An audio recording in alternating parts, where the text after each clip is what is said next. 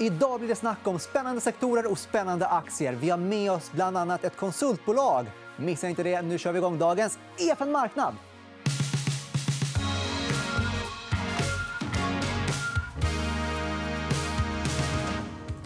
Och för att prata om det här har vi med oss Niklas Aldén, eh, poddprofil. Ja, Välkommen.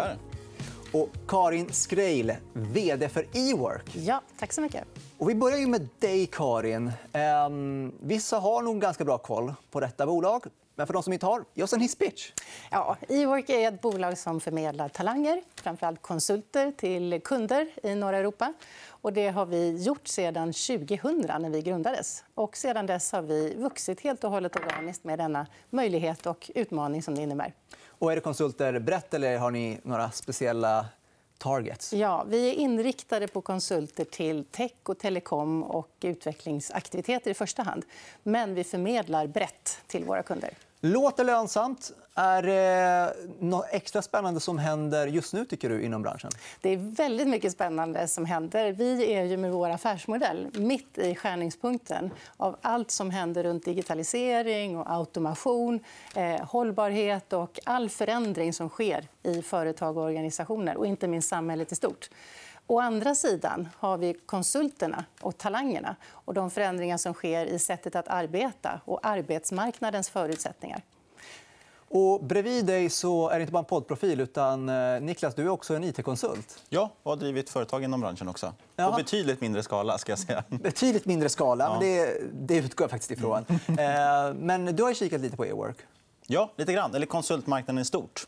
Eh, och det som jag tycker är ganska intressant just nu det är väl att i och med att vi mer eller mindre är ganska säkra på att vi får en recession och en ganska stark avmattning så tycker jag i alla fall det är ganska intressant att veta, se lite hur konsultmarknaden ser ut just nu.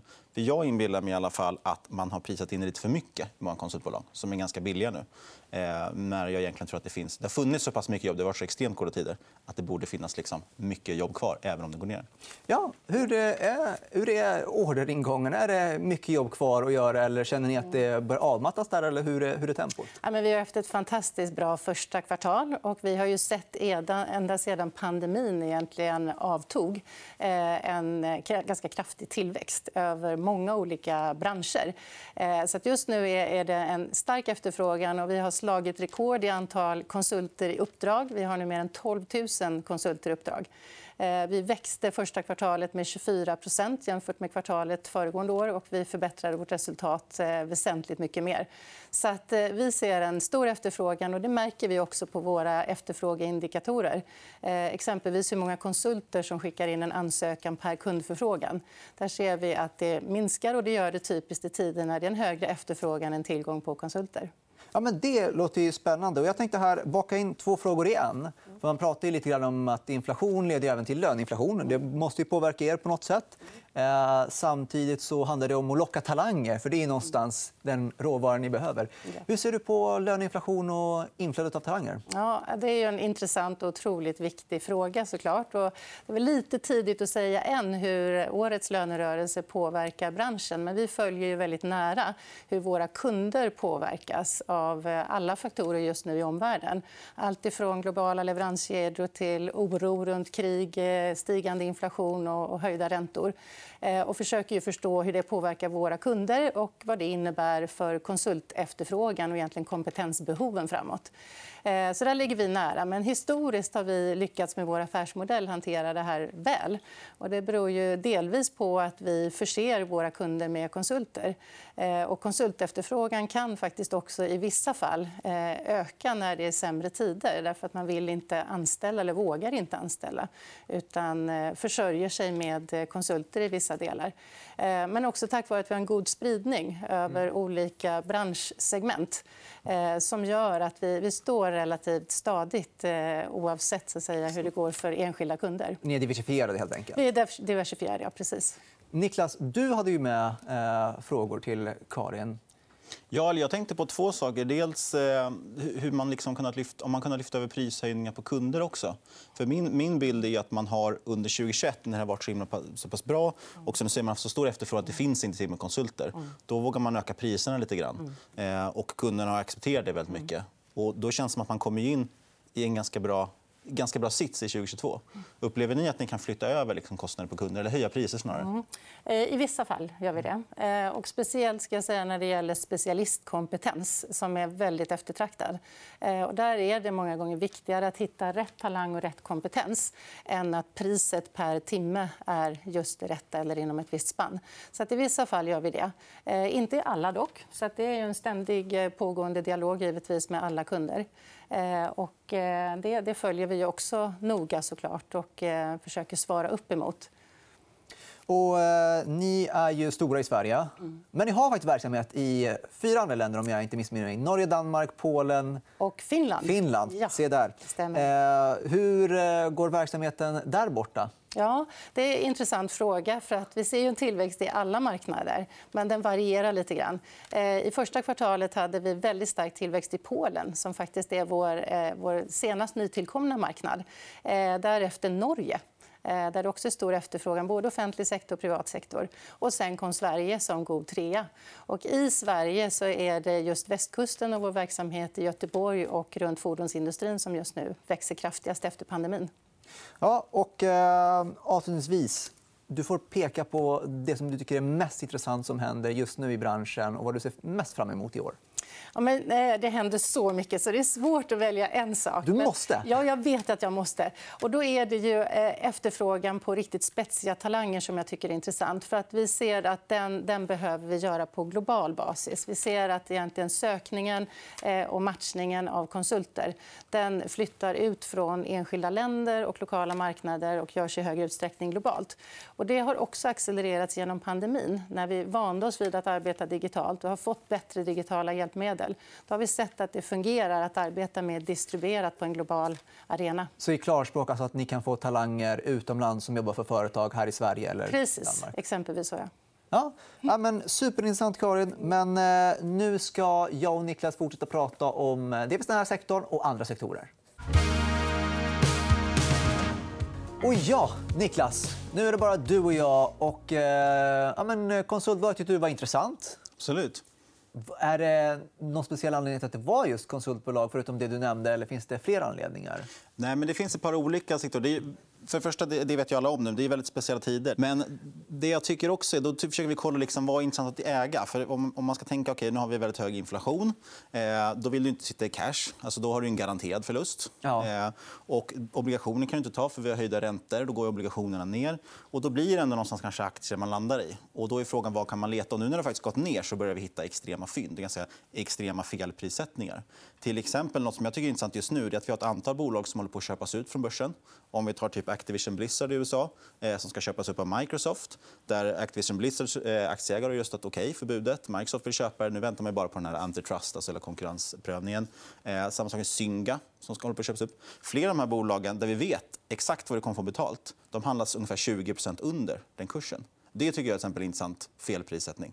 Och då, förlåt, men det vart det långt kanske. Men, men när man just, konsultbolagen är också en sån sak som jag då tror att folk har handlat ner väldigt mycket för att man tänker okej, okay, vi har en recession på ingången, avmattning i ekonomin. Då kommer antalet konsulter gå ner. Men konsultbranschen har förändrats så mycket de senaste åren. Just det, precis det som Karin var inne på med, med IT-specialister. Verkligen.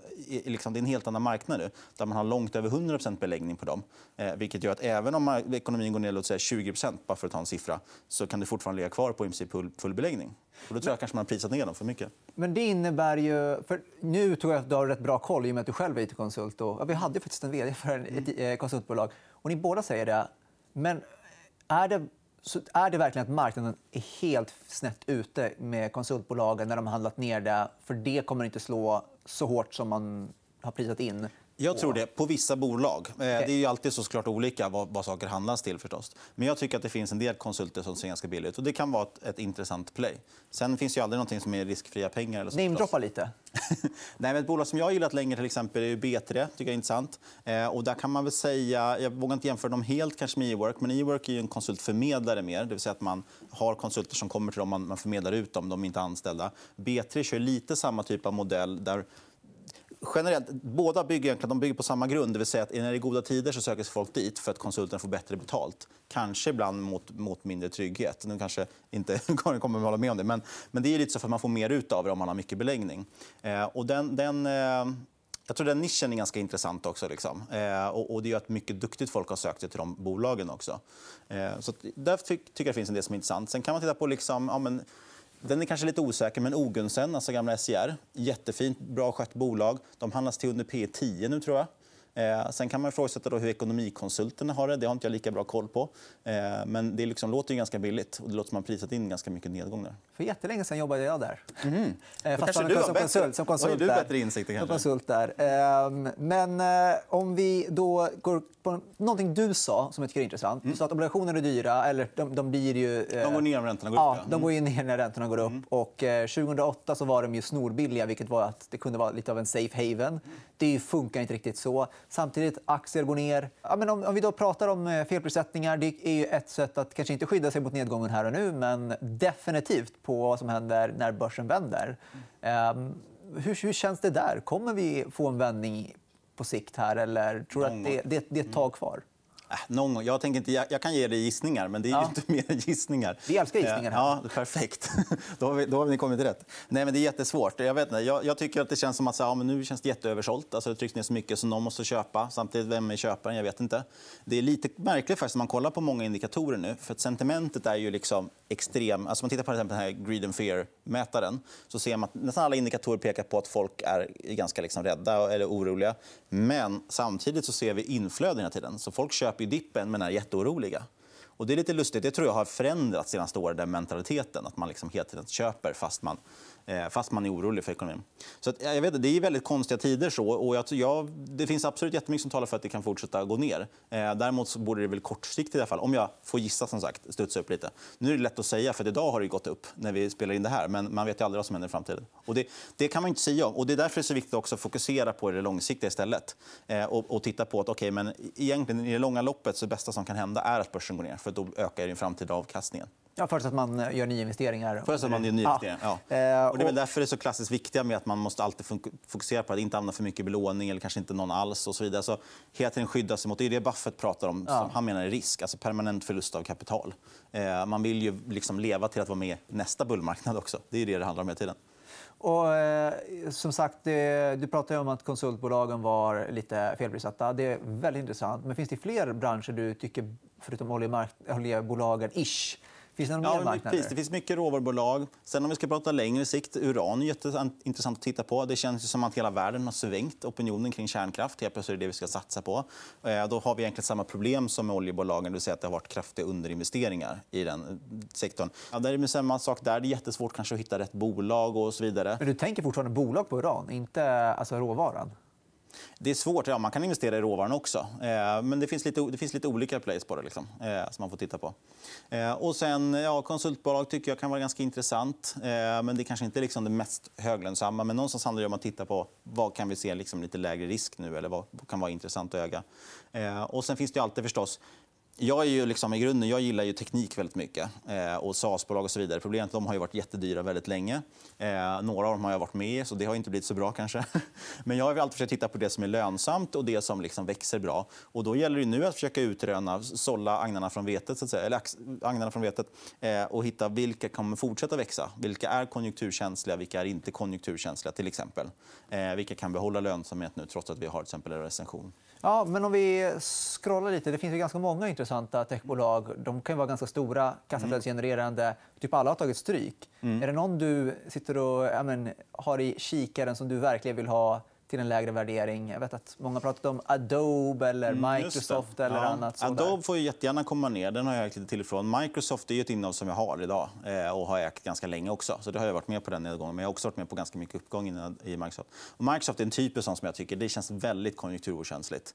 Eh, det är en av de sista produkter man kapar. Eh, ska vi prata Sverige så är väl Fortnox ett ganska bra alternativ. nu menar jag inte att den, har, den kanske inte har kommit ner tillräckligt. Den ser fortfarande ganska dyr ut. men däremot själva affärs affären de har känns väldigt konjunkturokänslig. Så det finns, det finns absolut bolag, men det är mycket tyvärr som skulle kunna falla 50% till och fortfarande inte vara billigt. Det är det knepiga. Jaha. Ja, men... Och det där har ju skiftat så fort. Om det hade, tagit, om hade varit med ett halvår sen, då hade jag säkert sagt att ja, ja, man kan motivera de här värderingarna. Men sen har vi haft en ränta, helt plötsligt tioåringen i USA uppe på 3 ja, då, då gäller inte de värderingarna längre. Men är det inte konstigt att man inte prisat in det där? För att, alltså, det kan ju inte ha kommit som en chock för absolut alla att räntan till slut skulle gå upp. Det, det måste väl ändå varit vet Det där är knepigt. Jag tycker också, alltså, när man tittar på det i backspegeln tycker jag att jag ser alla signaler. Jag minns att man hörde så himla mycket saker som, som gjorde att man borde ha dragit liksom, öronen åt sig. Men man liksom hoppades hela tiden. Det var ju liksom väldigt mycket FOMO. Det känns som att alla i hela marknaden var så rädda för att missa nästa steg, steg i uppgången. Så jag tror någonstans ändå har man tänkt att ja, men Fed och, och, Riksbanken följer ju mest bara efter. Känns det. Men Fed kommer ju någonstans ändå någonstans kliva in och, och rädda det här. Liksom. Men ja. det är det som är skillnaden nu kanske. Ja, vi får se om de eh, gör det. Men det var allt vi hann med för detta avsnitt. Stort tack för att du var med oss, Niklas. Vi är tack. tillbaka på fredag. Missa inte oss då. På återseende.